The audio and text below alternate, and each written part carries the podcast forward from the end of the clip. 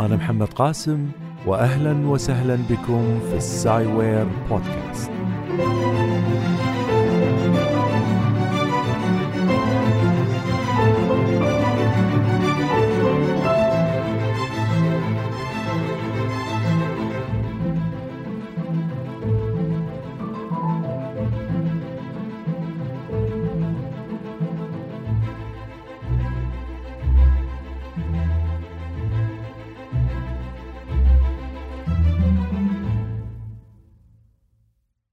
لابد إنك سمعت الخبر الخبر اللي يعتبر نقطة تحول في تاريخ علم الفلك الخبر اللي نقلنا إلى حقبة جديدة في معرفة الكون. إذا لم تسمع الخبر بعد كن معي في هذه الحلقة وسأفصل لك المعلومات بالكامل. الموضوع كبير جدا وهو واحد من أكبر إن لم يكن أكبر أخبار العصر الحالي.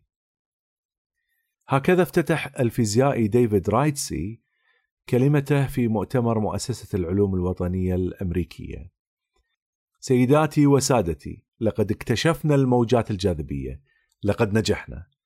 معلنا في أول جملة له أن الموجات الجاذبية اللي تنبأ فيها أينشتاين اكتشفت عن طريق مرصد لايغو وأكمل بقوله قبل 400 عام أدار غاليليو تلسكوبا إلى السماء وفتح الأجواء للمراصد الفلكية الحديثة. أعتقد أننا نقوم بشيء بنفس مستوى الأهمية اليوم. أعتقد أننا نفتتح نافذة على الكون نافذة من فلك الموجات الجاذبية. في هذه الجملة عمق كبير وراح نفهمه خلال الحلقة. كان من أبرز من تواجد من المشاركين هو العالم الفيزيائي كيب ثورن اللي كتب وأنتج فيلم Interstellar بدأت في الفيزياء فيزياء الفيلم Interstellar الحلقة الماضية وسأكمل لاحقا. الأهم من ذلك أنه هو أحد علماء أسسوا المرصد لايجو اللي لم يكن فقط سببا في اكتشاف الموجات الجاذبية في الواقع كما حدث في هذه الأخبار الجديدة إنما كان هو أيضا السبب في اكتشاف الموجات الجاذبية في الفيلم الخيالي Interstellar وهو اللي دل على وجود ثقب أسود تتحرك موجات الجاذبية خلال ثقب دودي لتصل إلى الأرض. okay راح أتناول هذا الاكتشاف وتاريخه وكذلك المختبر لايجو. والسؤال اللي دائما يسالوني إياه ما هي أهمية هذا الاكتشاف؟ وفي نهاية الحلقة راح أسمعكم صوت الثقوب السوداء. وهي تبتلع بعضها وهي اللي اكتشفت من خلال الموجات الجاذبية. تابعوا معي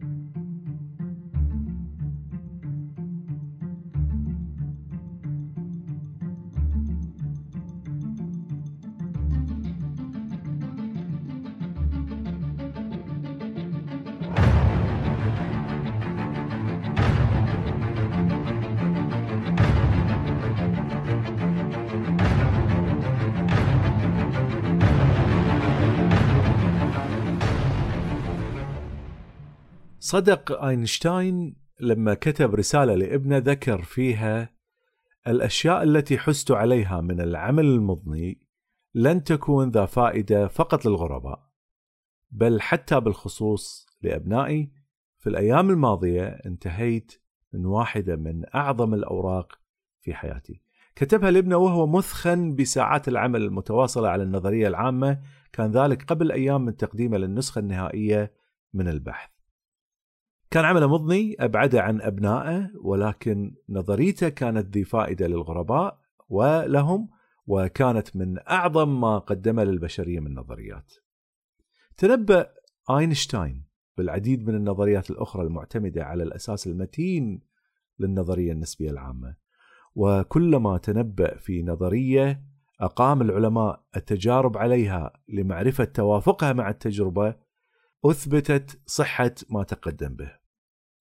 ربما أخطأ أينشتاين مرات طفيفة لكن عدد نظرياته الصحيحة الكبير غفر له الأخطاء الطفيفة هنا وهناك كل يوم تتوج نظرية أخرى له بالتاج التجريبي من مرصد الجاذبية لايجو ليضاف هذا النجاح إلى رزمة نظرياته الصحيحة. أود أن قبل لا أكمل أن أصحح شيء أنا قلته في موضوع سابق. بما أننا إحنا الحين في النظرية النسبية العامة خلوني أصحح معلومة ذكرتها في حلقة مرور 100 عام على نظرية أينشتاين النسبية العامة حلقة رقم 114 وهي معلومة حتى الكثير من الذين كتبوا عن أينشتاين لا يعلمونها وهي عن المحاضرات الأربعة الأخيرة اللي قدمها وكانت في الأخيرة منها تقديم ورقة حول النسبية العامة.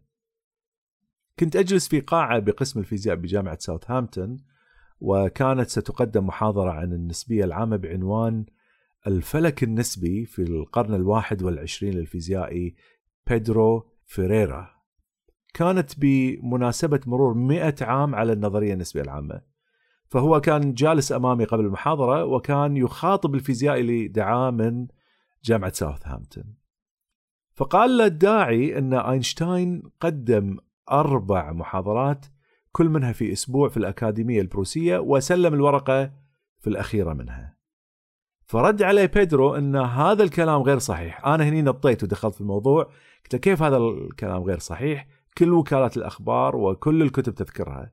وذكرت له حتى أسماء كتب يعني أنا مطلع عليها وذكرت هذا الشيء. فرد علي أنه هو أيضا كتب هذه المعلومة في كتاب نشره اسم الكتاب النظرية الكاملة قرن من العبقرية وحرب على النظرية النسبية العامة. الكتاب هذا موجود في الأمازون طبعا. ذكر في كتابه أن أينشتاين قدم تلك المحاضرات كما اشتهر عنه. فإذا هو كان أيضا مخطئ في هذا الجانب. فمؤرخ ألماني راسل بعد قراءة الكتاب وأرسل له الأدلة أن أينشتاين لم يقدم أي محاضرة بل أن كل ما عمله هو أن قدم أربعة أوراق كل منها في أسبوع وفي النهاية قدم الورقة الأهم وخرج اللي هي النظرية النسبية العامة. وقد تأكد بيدرو من المصادر واتضح كلام المؤرخ صحيح. وأنت الآن تعلم معلومة قليل من الناس يعلمونها. الآن نكمل الموضوع.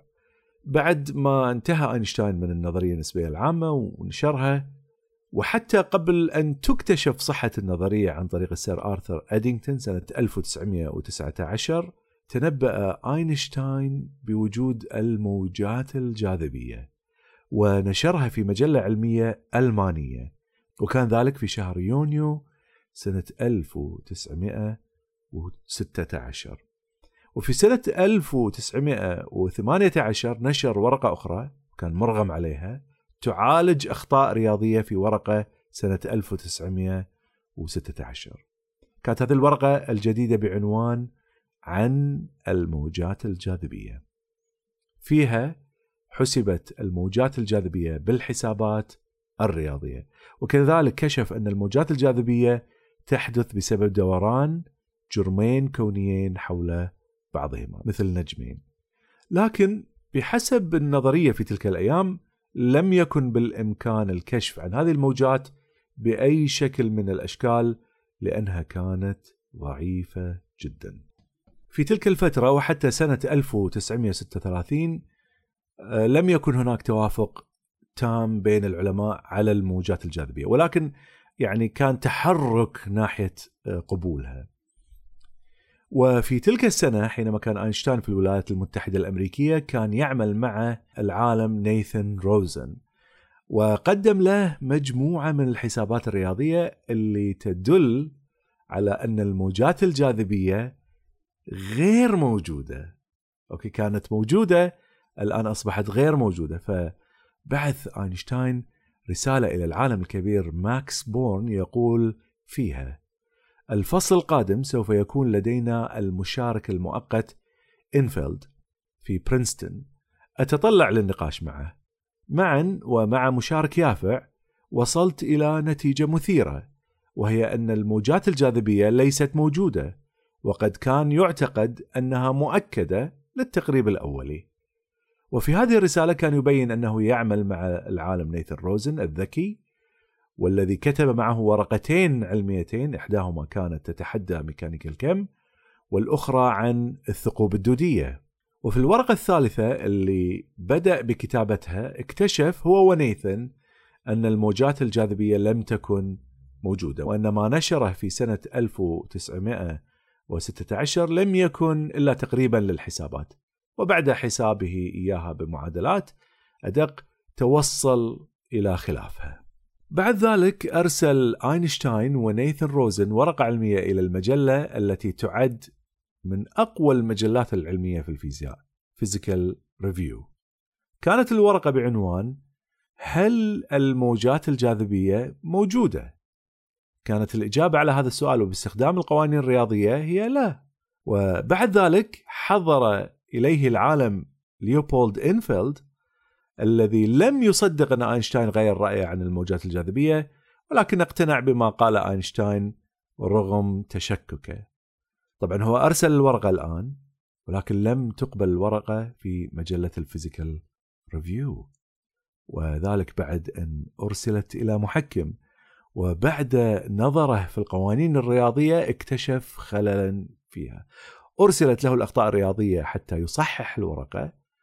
وهنا تضايق أينشتاين من الرفض وأرسل رسالة شديدة اللهجة إلى محرر المجلة قائلا فيها السيد العزيز نحن السيد روزن ونفسي قد أرسلنا لك كتابا للنشر ولم نسمح لك بعرضه على مختصين قبل طباعته. أنا لا أرى أي مبرر لأن أرد على الأخطاء إن كانت موجودة وقد أتت من شخص مختص مجهول. وبناء على هذه الحادثة أفضل أن أنشر هذه الورقة في مكان آخر مع خالص الاحترام ليش كان أينشتاين يرد بهذه الطريقة؟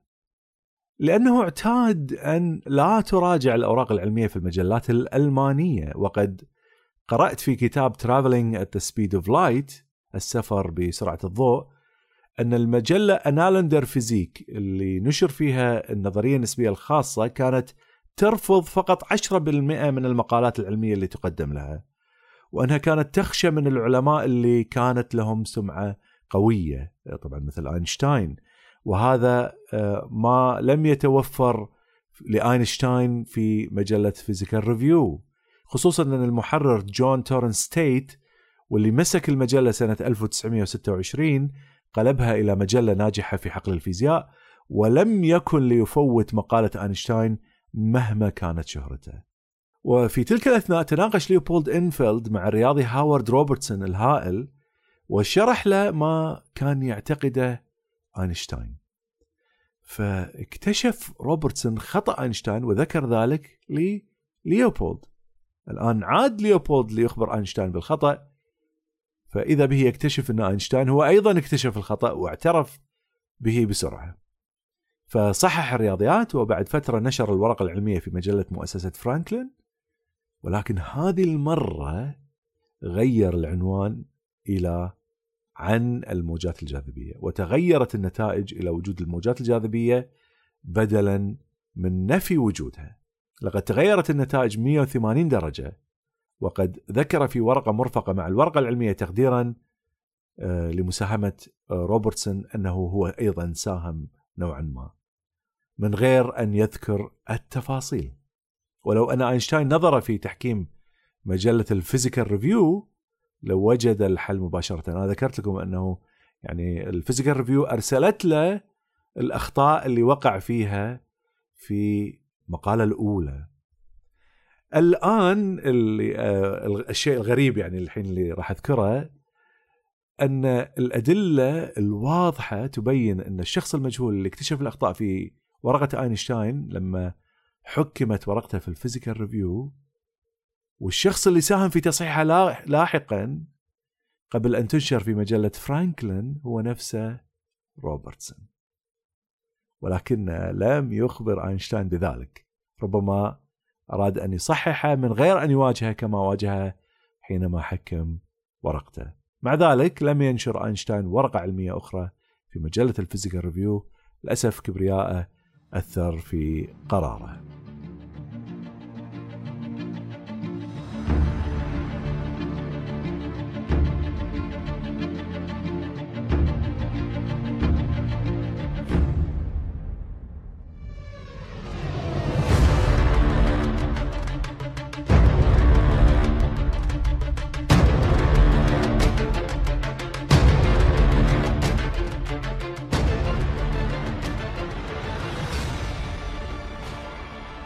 اكتشف العلماء اللي يعملون في لايجو موجات جاذبية انطلقت من ثقبين أسودين على بعد 1.3 مليار سنة ضوئية أو مليار و300 مليون سنة ضوئية كان هذين الثقبين يدوران حول بعضهما بسرعة تعادل نصف سرعة الضوء قطر أفق الحدث في الثقبين هو حوالي 150 كيلومتر يعني آه، تقريبا أصغر من دولة الكويت.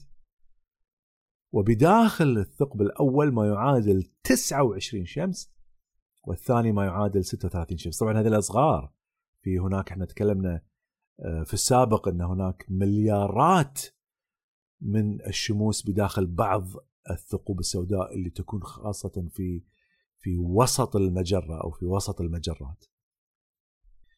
دار الثقبان حول بعضهما ثم تصادما بجبروت وتكون ثقب واحد بعد الالتقاء.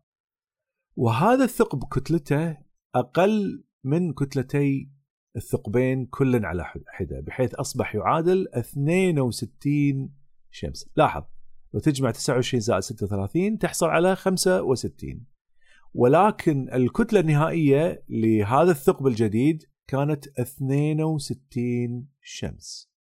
وين راحت الكتلة المتبقية؟ إنها هي الطاقة اللي كونت الأمواج الجاذبية وانطلقت عبر الكون. تخيل طاقة تعادل ثلاث شموس تحولت في لحظة إلى موجات جاذبية. هائل بكل المقاييس. هذه كانت أول مرة يثبت فيها العلماء ثقوب سوداء ثنائية. يعني أثبتوا اكتشاف ثقوب سوداء تدور حول بعضها. الفكرة كانت موجودة ولكن الحين عندنا إثبات عليها. هذا الحدث تكون قبل 1.3 مليار سنة في الماضي وصلت موجاته إلى الأرض اكتشفها لايجو بتاريخ 14 سبتمبر 2015 قبل أن أبدأ بشرح كيف يمكن اكتشاف الموجات الجاذبية أولا أود أن أتحدث عن ماهية هذه الموجات فهي مو مثل الضوء أو الموجات الكهرومغناطيسية آه، مو مثل الجسيمات وإن كانت هناك بعض النظريات التي تدعي أن الجاذبية هي جسيمات جرافيتونز بس هذه ما عليها إثبات إلى الآن. الموجات الجاذبية هي تموجات جاذبية في الزمكان الزمان والمكان. الزمان والمكان يتموجان. يعني في ناس وايد تسأل شنو معنات الزمكان؟ الزمكان هو المكان زائد الزمن. شلون يتموج؟ المكان ينضغط ويتمدد يتغير. ولكن الزمن أيضا يتغير. يعني في أماكن يجري فيها الزمن بسرعة أكبر وفي أماكن يجري الزمن فيها بسرعة أصغر بحسب انحناء الزمكان. okay واذا نعود للتموجات تحدث هذه التموجات بسبب إعصار تسببت فيه الثقوب السوداء أو النجوم النيوترونية لما تدور حول بعضها البعض. ويحدث هذا أيضا لما يكون هناك انفجار نجمي سوبر نوفا تخيل يعني انفجار وتحدث موجات مرة واحدة كذي من حواليها أو دوران نجمة ليست كروية 100% حول نفسها. أو قد تكون هذه التموجات تحدث بسبب الانفجار العظيم أو حدثت بسبب الانفجار العظيم في بداية الكون. منذ أن فسر أينشتاين الجاذبية على أنها انحناء في الزمكان أو الزمن والمكان أو الفضاء وقت ونحن ننظر للجاذبية على أنها تقعر رباعي الأبعاد. أحيانا ترى صورة أو فيديو آه، يشرح هذا التقعر في بعدين مكانيين. حتى نتخيل الفكرة خلونا نتخيل الفراش الناعم. إذا ما كان عليه شيء سيكون مسطح ولكن بمجرد وضع كرة ثقيلة مثلا خلينا نقول كرة ال bowling ball في الوسط سينخفض الفراش إلى الأسفل ويتقعر هذا المكان. وإذا ما أطلقت كرات صغيرة على الفراش بسرعة معينة وبجانب الكرة الكبيرة ستجد أن الكرات الصغيرة تلتف في هذا التقعر وتدور حول الكرة الكبيرة. طبعا راح تفقد طاقتها تدريجيا وتنزل إلى الكرة الكبيرة. ولكن في الفضاء ليس هناك فقد بنفس الدرجة بالمقارنة مع الفراش والفضاء أيضا ثلاثي الأبعاد وفيه أيضا الزمان وفيه كرات أو أجرام سماوية كثيرة. كل كرة تقعر السماء طبعا تقعر بصورة ثلاثية الأبعاد. الشمس تقوم بذلك ويدور في فلكها الأرض والكواكب والأرض تقعر السماء ويدور في فلكها القمر والمحطة الفضاء الدولية مثلا. والقمر يقعر السماء وتدور حول الأقمار الصناعية. وهكذا بالنسبة للكواكب كلها والأجرام السماوية وهو كذلك ينطبق على الثقوب السوداء والنجوم النيوترونية.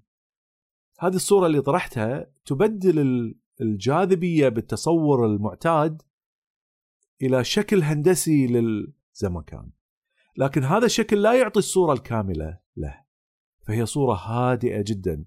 كالفراش اللي ذكرته قبل قليل ينخفض بتدرج ناحية الكرة الثقيلة ولكنه أملس وغير متعرج. لو أدخلنا الموجات الجاذبية في الصورة لأصبح الفضاء وقت متعرج.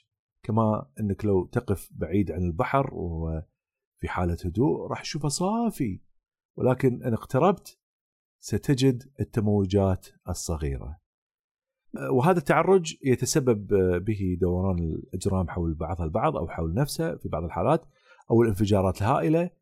فالأرض والشمس تصدران هذه التموجات أثناء الدوران ولكن الموجات متناهية الصغر. وفي العصر الحالي لا يمكن الكشف عن هذه التموجات الصغيرة. لذلك يلجأ العلماء لكشف التموجات لدوران النجوم النيوترونية حول بعضها أو حول الثقوب السوداء أو من خلال الثقوب السوداء حول بعضها. وفي هذه الحالة ستكون الموجات الجاذبية أشد بكثير وستسافر إلى مسافات بعيدة. وهنا أيضا يجب أن نتوقف عند فكرة مهمة وهي شكل الموجات. حينما أقول لك كلمة موجات ما الذي يخطر على بالك؟ فكر في صورة الموجات الآن. ستجد أن الصورة اللي تتكون هي موجات شبيهة بموجات البحر وهذه الشكل العام لها الخارجي يسمى بموجات عرضية. تتحرك الموجة إلى الأمام وهي تفعل ذلك صعودا ونزولا. هذا أنت تعرفه واضح يعني. الموجات الجاذبية هي موجات أيضا عرضية لكنها ليست تماما كموجات البحر. فهي تضغط الزمكان من جهة وتمدده من جهة ثم يتبدل الضغط والتمدد في الجهتين. امسك كرة صغيرة في يدك اضغطها ستجد أنها تنضغط من جهة وتتمدد من جهة أخرى. وإذا ضغطتها من الأجناب الأخرى ستجد أنها تنضغط وتنفرج في آه، العكس يعني. وهذه هي الفكرة بتبسيط شديد. آه، تنويه كتبت مقالة على الجزيرة علوم وأخطأت في هذا الجانب من شرح الموجات. والآن أنا أصحح الفكرة في البودكاست. حصلت لي لخبطة بسبب عدد من التركيز. طبعا أنا كنت أحضر موضوعين هني وهناك بسرعة وقاعد أكتب وأجهز وأجمع المعلومات والمصطلحات آه، ذابت من ذهني ف فالآن أنا أصلح فإذا قرأت المقالة هناك ستجد آه، أنها فيها خطأ والآن أنت تعرف الصحيح. okay. لما مرت الموجات الجاذبية على الأرض ضغطتها وضغطتك أنت كذلك بقدر أقل من حجم البروتون. وهذا ما كشف العلماء باستخدام المرصد لايجو. الآن خلونا نشوف كيف صنعوا مثل هذا المرصد ليصبح بهذه الدقة.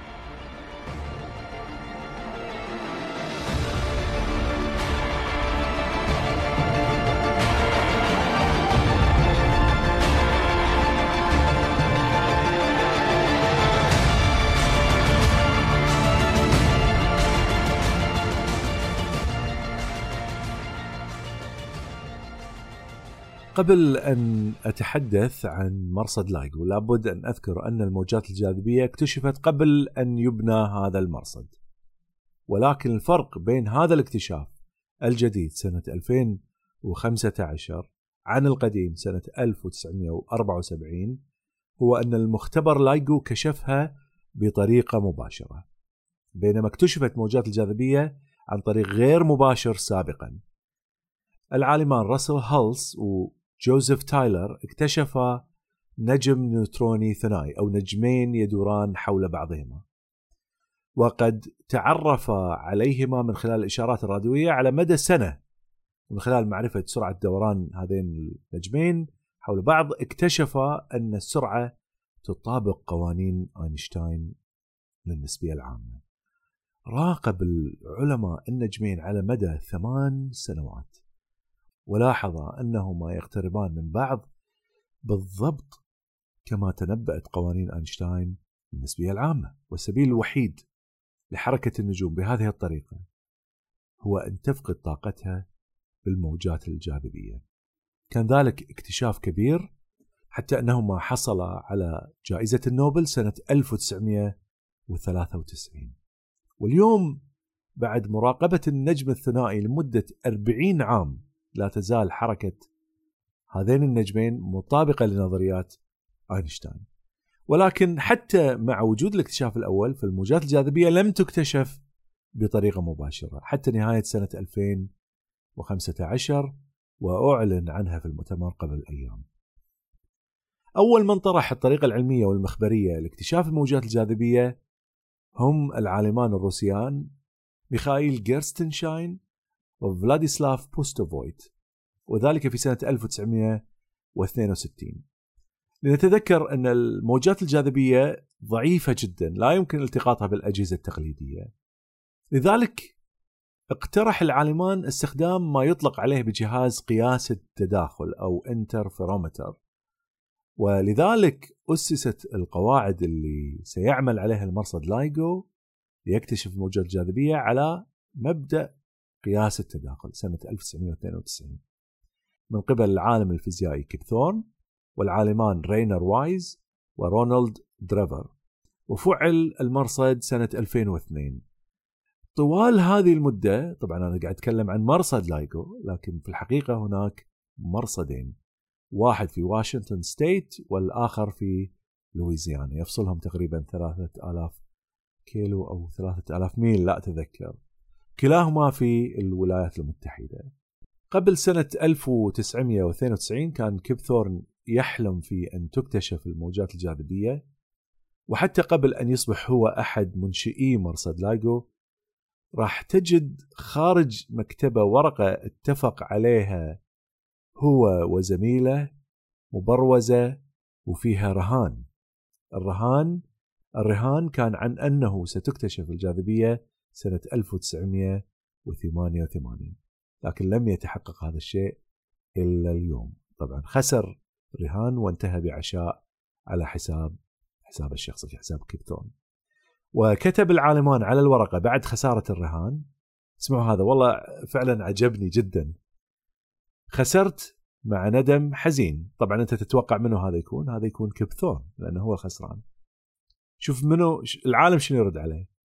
وهو هذا مكتوب في الرسالة نفسها المعلقة على باب كب يقول قبلت كذلك مع ندم بيرتوتي فلاحظ اثنينهم كانوا متضايقين مع أن واحد منهم ربح لكن اثنينهم كانوا متضايقين لأنهم يعني فعلا شعروا بنوع من الخسارة لأنه لم تكتشف الجاذبية في وقتها أو الموجات الجاذبية.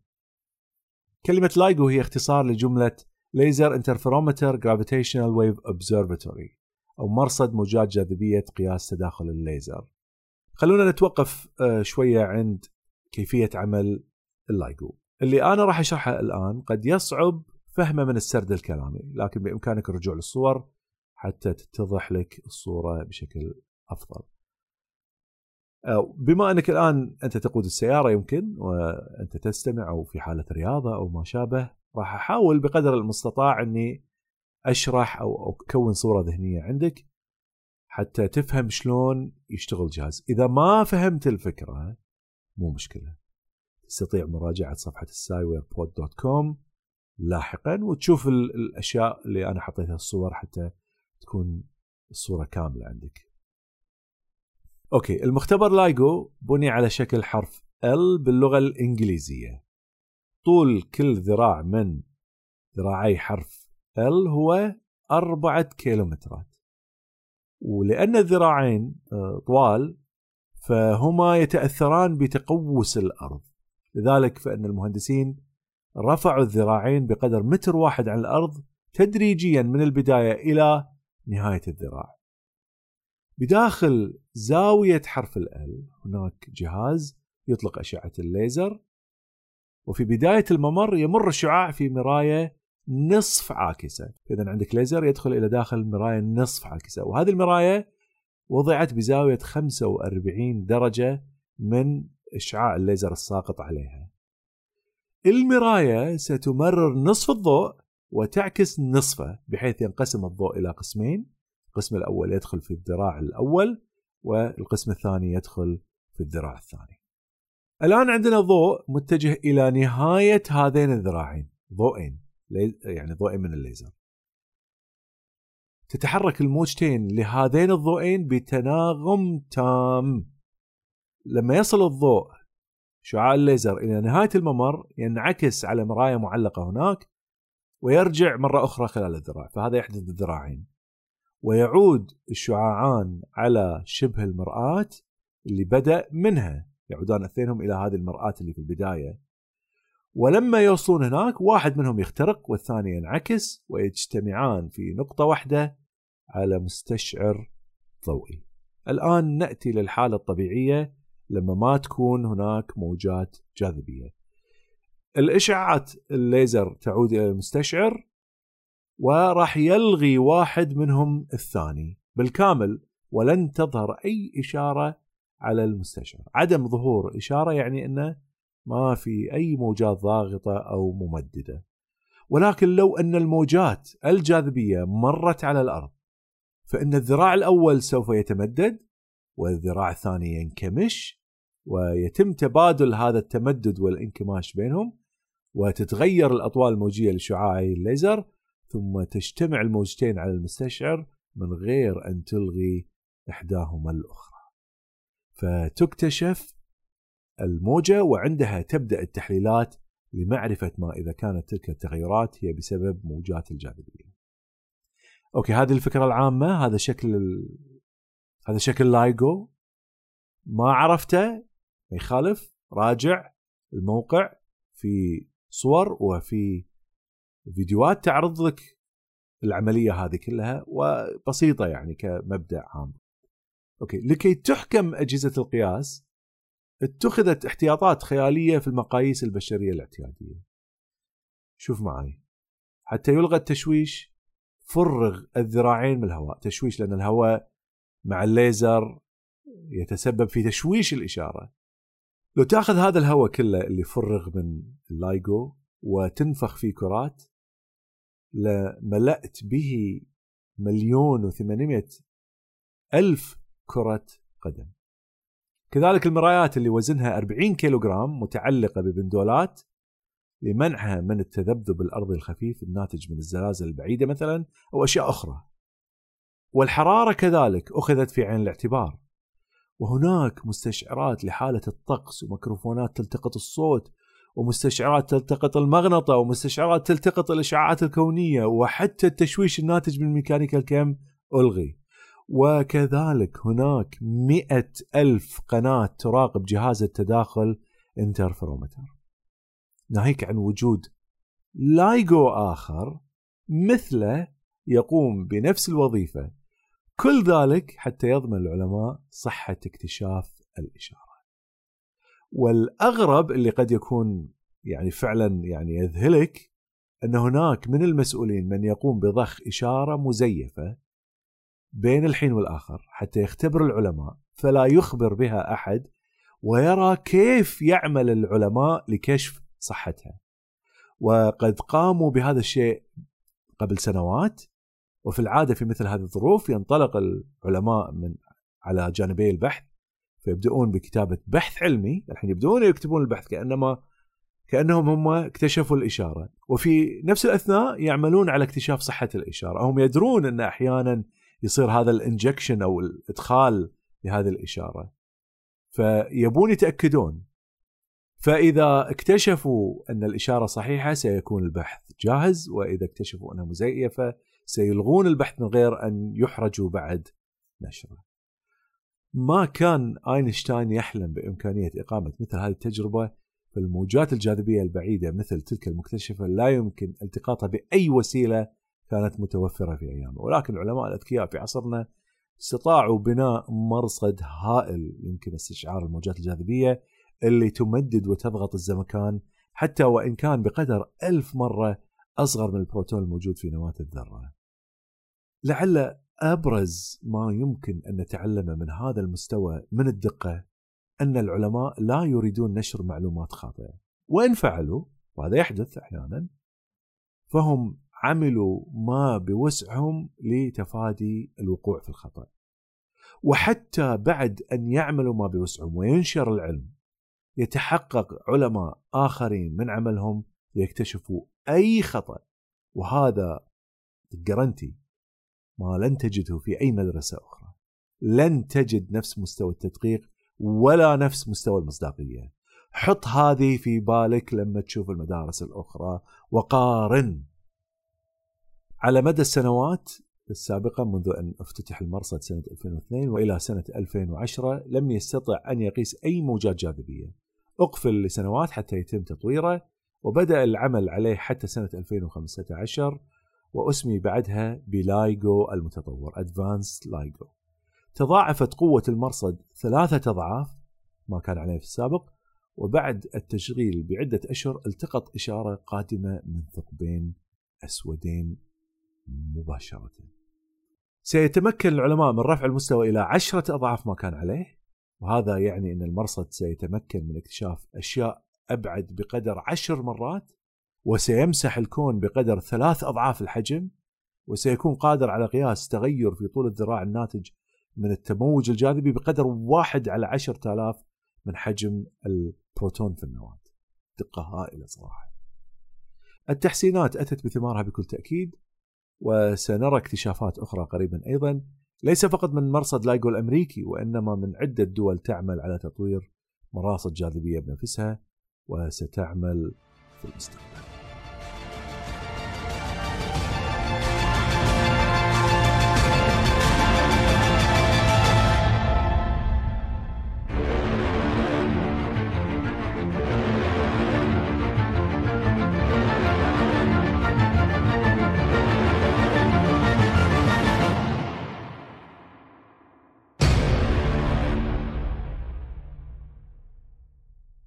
كيب ثورن استخدم مرصد لايجو في الفيلم Interstellar حتى يكشف الموجات الجاذبية القادمة من ثقب أسود في مجرة أخرى وعبر الثقب الدودي. أراد أن يكون موقع صدور الموجات بالقرب من زحل لكن كيف يمكن لمثل الموجات الجاذبية الهائلة أن تتكون بالقرب من زحل ولا توجد ثقوب سوداء بجانبه؟ ولو كانت موجودة فستمزق زحل أو تغير من تركيبة دوران الأجرام في المجموعة الشمسية. لكي تأتي الموجات من ذلك المكان فتح كب ثقب دودي يطل على مجرة أخرى. وبداخل تلك المجرة ثقب أسود تعادل كتلته 100 مليون شمس.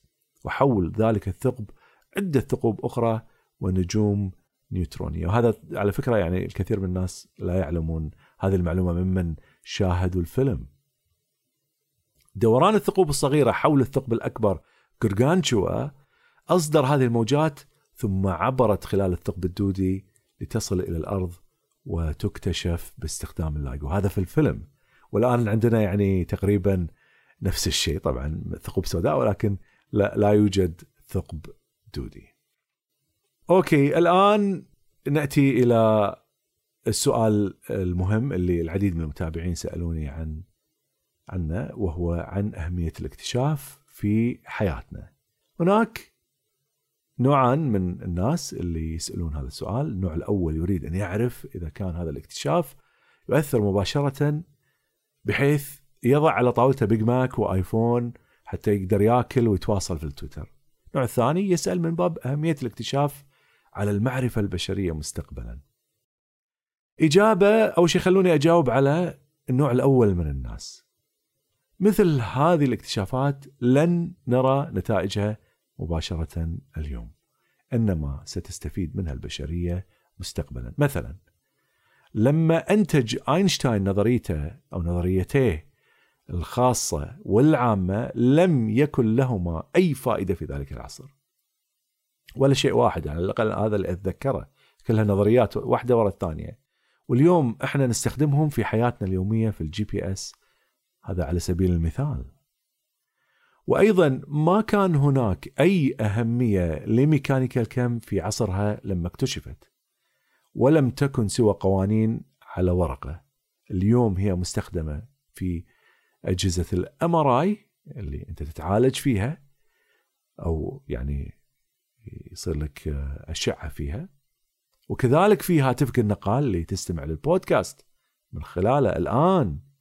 ولذلك من هذا الباب ستكون للموجات الجاذبية أثر مستقبلي مباشر على ال Big Mac والآيفون لأحفادنا. okay الآن نأتي إلى النوع الثاني من الناس اللي يبحثون عن الأثر المباشر على المعرفة، لا تنسون يا جماعة إحنا بشر يعني مو مو أنعام، إحنا بشر آه، جزء من تركيبتنا الأساسية هي المعرفة، أنت تريد أن تعرف، هذا سؤال كنا يعني منذ القدم نحن نبحث في هذا الشيء. هذا المرصد يقارن بالتلسكوب البصري اللي اخترعه جاليليو ليكتشف الكواكب في المجموعة الشمسية والنجوم. تخيل كيف تحول العالم لما استطاع أن يراها بطريقة متطورة عما كانت عليه العين المجردة. هذا اللايجو سيكون مرصد من المراصد اللي تعمل على كشف الكون من خلال الجاذبية. ليس هناك مرصد بهذه الطريقة ما له مثيل هو فريد من نوعه حاليا. وقد فتح نافذة جديدة على العالم. سنراه سنرى العالم بعين لها حساسية مختلفة عن العيون المخبرية السابقة. اللي كانت ترى الضوء في الطيف البصري وأشعة إكس واللي ترى الموجات الراديوية الأخرى، هذه كلها تلسكوبات الحين مستخدمة ولكن عندنا الآن عين جديدة. أنت الآن في نقطة تحول في المراصد الفلكية تاريخيا، هذه النقطة ستذكر في التاريخ إلى الأبد. طيب في شنو راح تستخدم أو راح يستخدم هذا التلسكوب؟ اولا راح يكشفون عن الثقوب السوداء الثنائية كما حصل وراح يكتشفون كثير منها الآن. راح يكشف عن الثقوب السوداء اللي تبتلع النجوم. راح يكشف عن النجوم النيوترونيه الصغيرة والتي هي بحجم مدن صغيرة. هذه اللي أنا ذكرت اللي تكون يعني ليست دائرية 100% تكون عليها نوعا ما شيء مثل الجبال كما ذكر كيب ثورن في مقابلة وهذه لما تدور حوالين نفسها تصدر هذه الموجات. وسيكتشف أيضا تصادم النجوم النيوترونيه في بعضها وسيحاول العلماء أيضا الكشف عن بداية تكون الكون من أثر الجاذبية اللي خلفها الانفجار العظيم. وكيب يحلم أنه عنده أمل في رؤية الموجات الجاذبية من الأوتار الكونية اللي تمتد عبر الكون. وهذه تكونت في بداية انطلاقة الكون. للعلم هذا الاكتشاف بدرجة من الأهمية أنه لا شك سوف تقدم جائزة النوبل لمجموعة من العلماء بسببه. أوكي وأحب يعني أقول آه، كلمة أخيرة إضافة للاثنين يعني للجماعة من النوع الأول والثاني أن مثل هذه الأمور حينما يكتشف العلماء شيء مثل هذا وتصير ضجة حول العالم هذا يضيف وسام هائل إلى الدولة اللي كشفت هذه المعلومات، كشفت المعارف. نحن نتذكر المسلمين القدماء اللي تركوا بصمة في تاريخ البشرية، ليش تذكرهم؟ ليش تعتز فيهم؟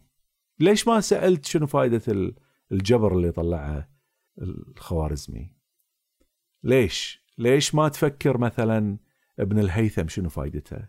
شنو فائدة المعلومات اللي طلعها؟ هذه نفس الأسئلة، هذه نفس الأسئلة تنطبق تماما على هذا الشيء.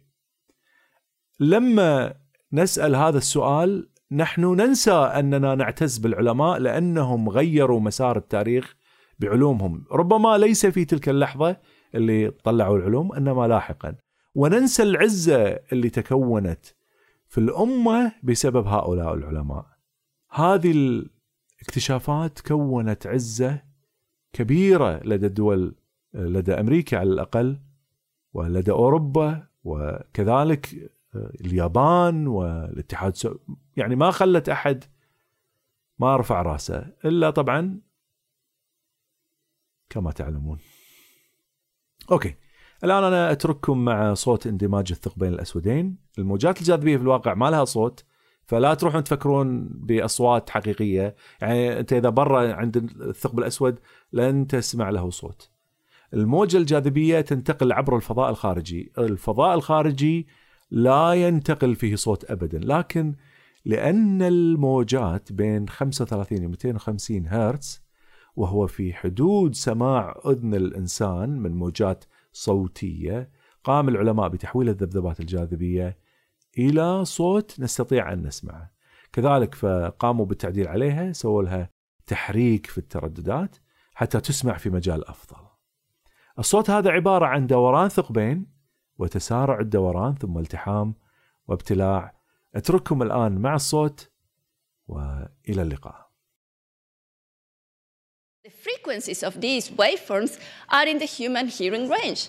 We can hear gravitational waves. We can hear the universe.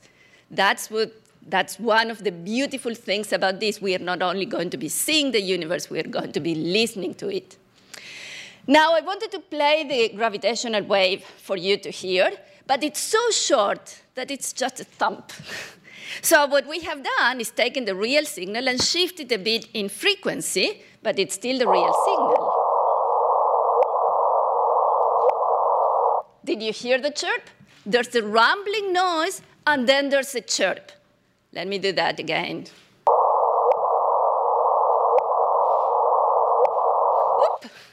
That's the chirp we've been looking for. This is the signal we have measured.